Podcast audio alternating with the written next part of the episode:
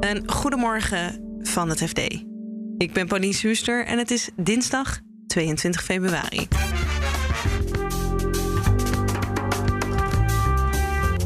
Vandaag dient een kort geding dat fundamentele vragen oproept over hoe ver het OM mag gaan in het opsporen van fraude. Ze zeggen eigenlijk gewoon: het OM zit hier fout. Dit, dit, dit hoort niet te kunnen.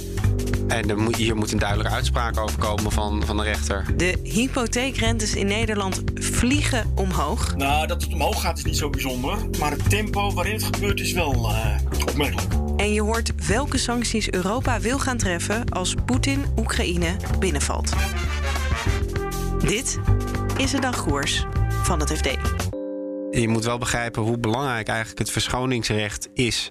Niet alleen voor advocaten, maar je, je moet eigenlijk als burger moet je voorstellen een handvol professionals hebben in allerlei verschillende takken van sport, zeg maar even, waar je op uh, vertrouwelijke manier uh, mee informatie kunt wisselen, zodat jij het beste kunt bepalen van wat moet ik nou doen.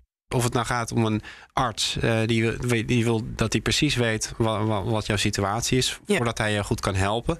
Maar je hebt het ook over een journalist. Hè. Uh, kun je wel als klokkenluider daar naartoe gaan zonder dat je zelf gevaar gaat lopen. Je hoort collega Johan Leupen over het verschoningsrecht, waar bijvoorbeeld een advocaat zich op kan beroepen, waardoor wat je als cliënt deelt met zo iemand geheim is.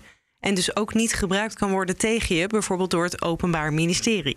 En dat laatste is wel gebeurd. De e-mails tussen advocaten van Stibbe en een cliënt zijn gelezen en gebruikt door het OM. Stibbe eist dat opsporingsambtenaren met dit soort zaken stoppen. Het is begonnen met een strafzaak tegen een vermogensbeheerder die werd verdacht van grootschalige fraude, megafraude. Ja. Uh, nou ja, daar valt heel veel over te zeggen, maar het komt er in ieder geval op neer dat die zaak bleek uiteindelijk veel minder groot dan uh, het OM dacht. Uh, die zaak is wel redelijk verschrompeld inmiddels qua omvang.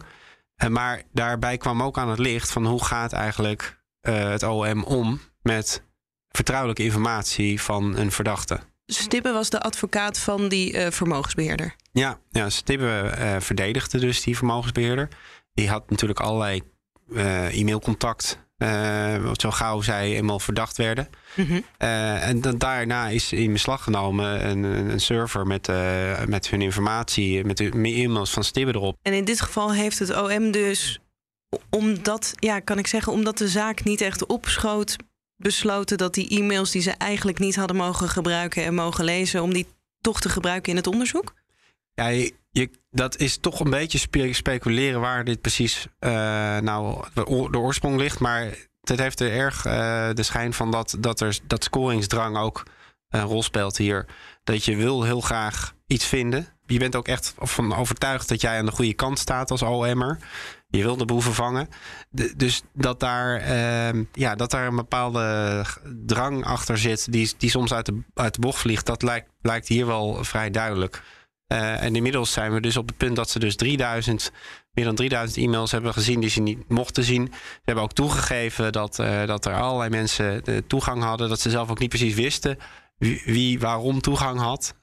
Ze gaan daar niet heel zorgvuldig mee om, is wel gebleken. En hoe gaat het met andere soorten informatie die het OM misschien in handen kan hebben, maar toch niet krijgt? Bijvoorbeeld telefoontaps. Dan heb je natuurlijk ook gesprekken tussen advocaten en cliënten. Ja, daar is ook een uh, juridische strijd over gevoerd een aantal jaar geleden.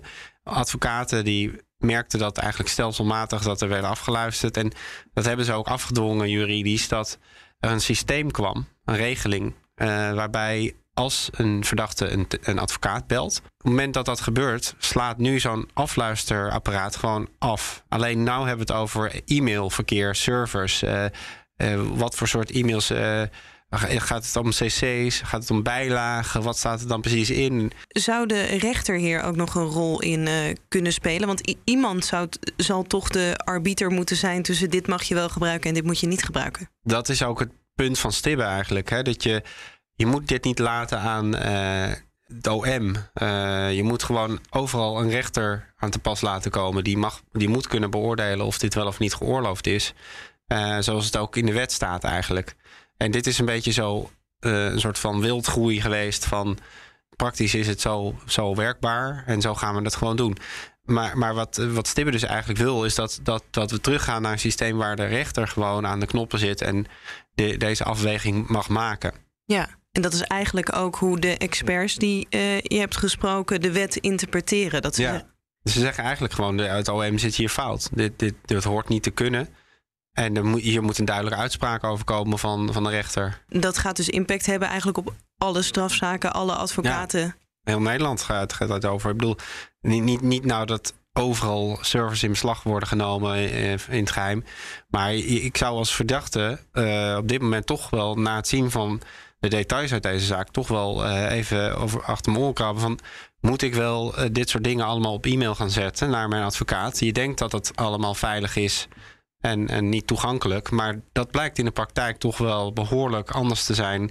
Hier in ieder geval, en we hebben ook handleidingen gezien van hoe ze, hoe ze daarmee omgaan dat er eigenlijk toch best wel wat mensen toegang hebben tot die uh, zogenaamd vertrouwelijke e-mails. Dus het gaat eigenlijk alle verdachten in Nederland aan en alle advocaten die uh, in, in strafzaken dus uh, optreden.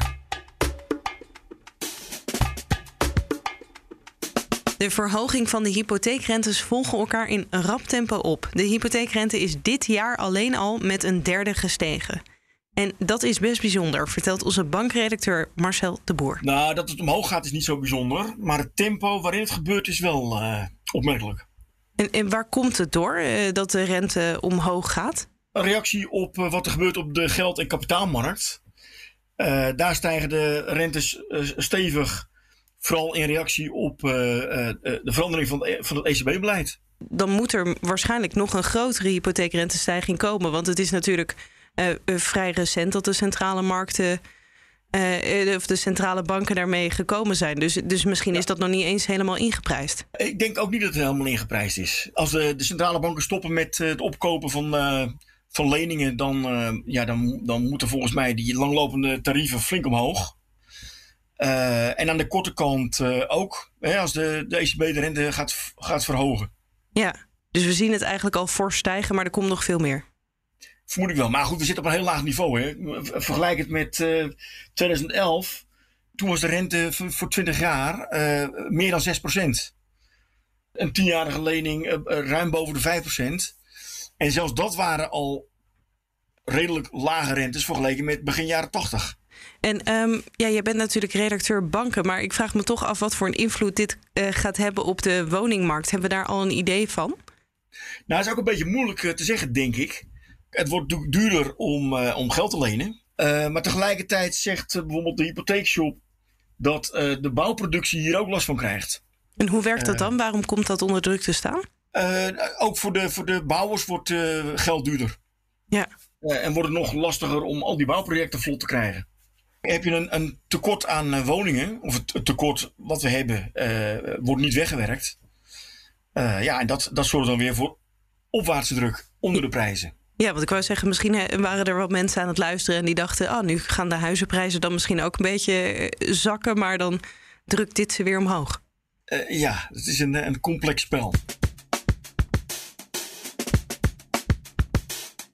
De Europese Unie beraadt zich op mogelijke sancties tegen Rusland mocht het tot een inval komen in Oekraïne. Maar wat er nou precies gaat gebeuren blijft nog een beetje onduidelijk, vertelt verslaggever Ria Katz. We hebben een idee, maar we weten het nog niet helemaal concreet. Ursula von der Leyen heeft de afgelopen weken al steeds eh, ja, hintjes gegeven, zou je kunnen zeggen, waar het ongeveer op slaat. Uh, vorige week in het Europees Parlement heeft ze nog een keer gezegd van ja, Onder meer willen wij de, eh, de, Russische economie heel hard raken.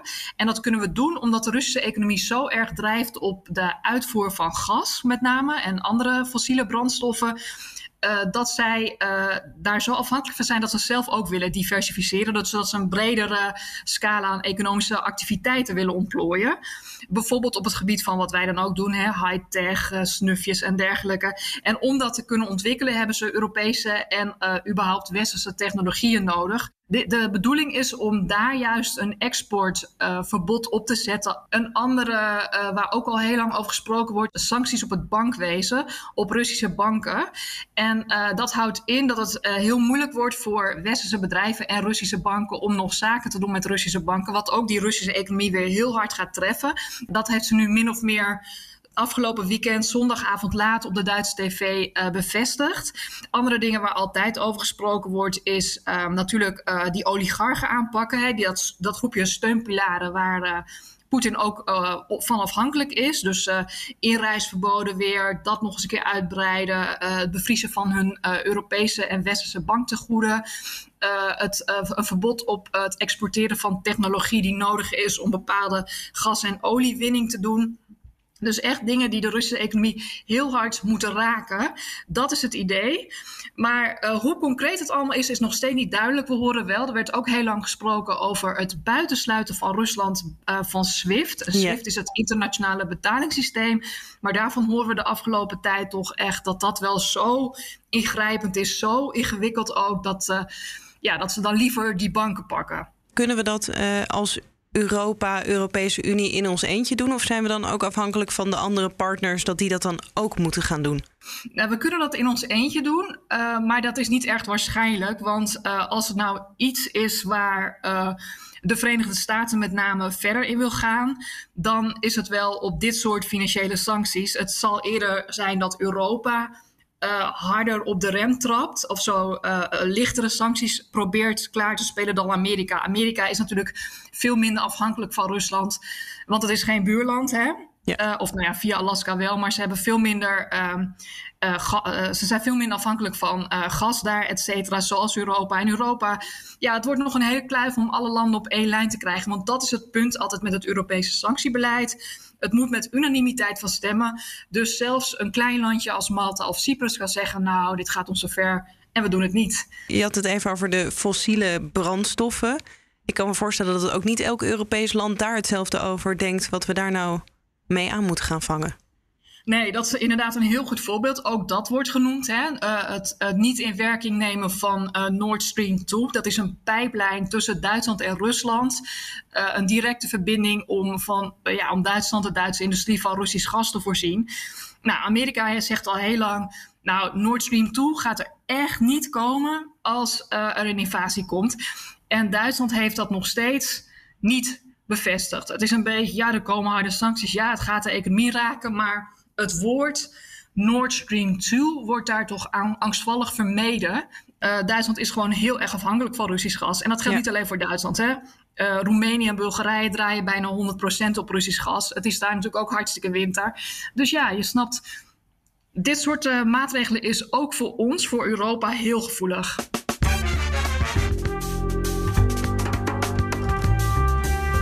Dit was de dagkoers van het FD. Op fd.nl lees je meer over deze onderwerpen en volg je het financieel-economisch nieuws. Dagkoers volg je in je favoriete podcast-app. Zoek ons dus even op en klik op abonneren. Dan staan we morgenochtend weer voor je klaar. Een hele fijne dag en tot morgen.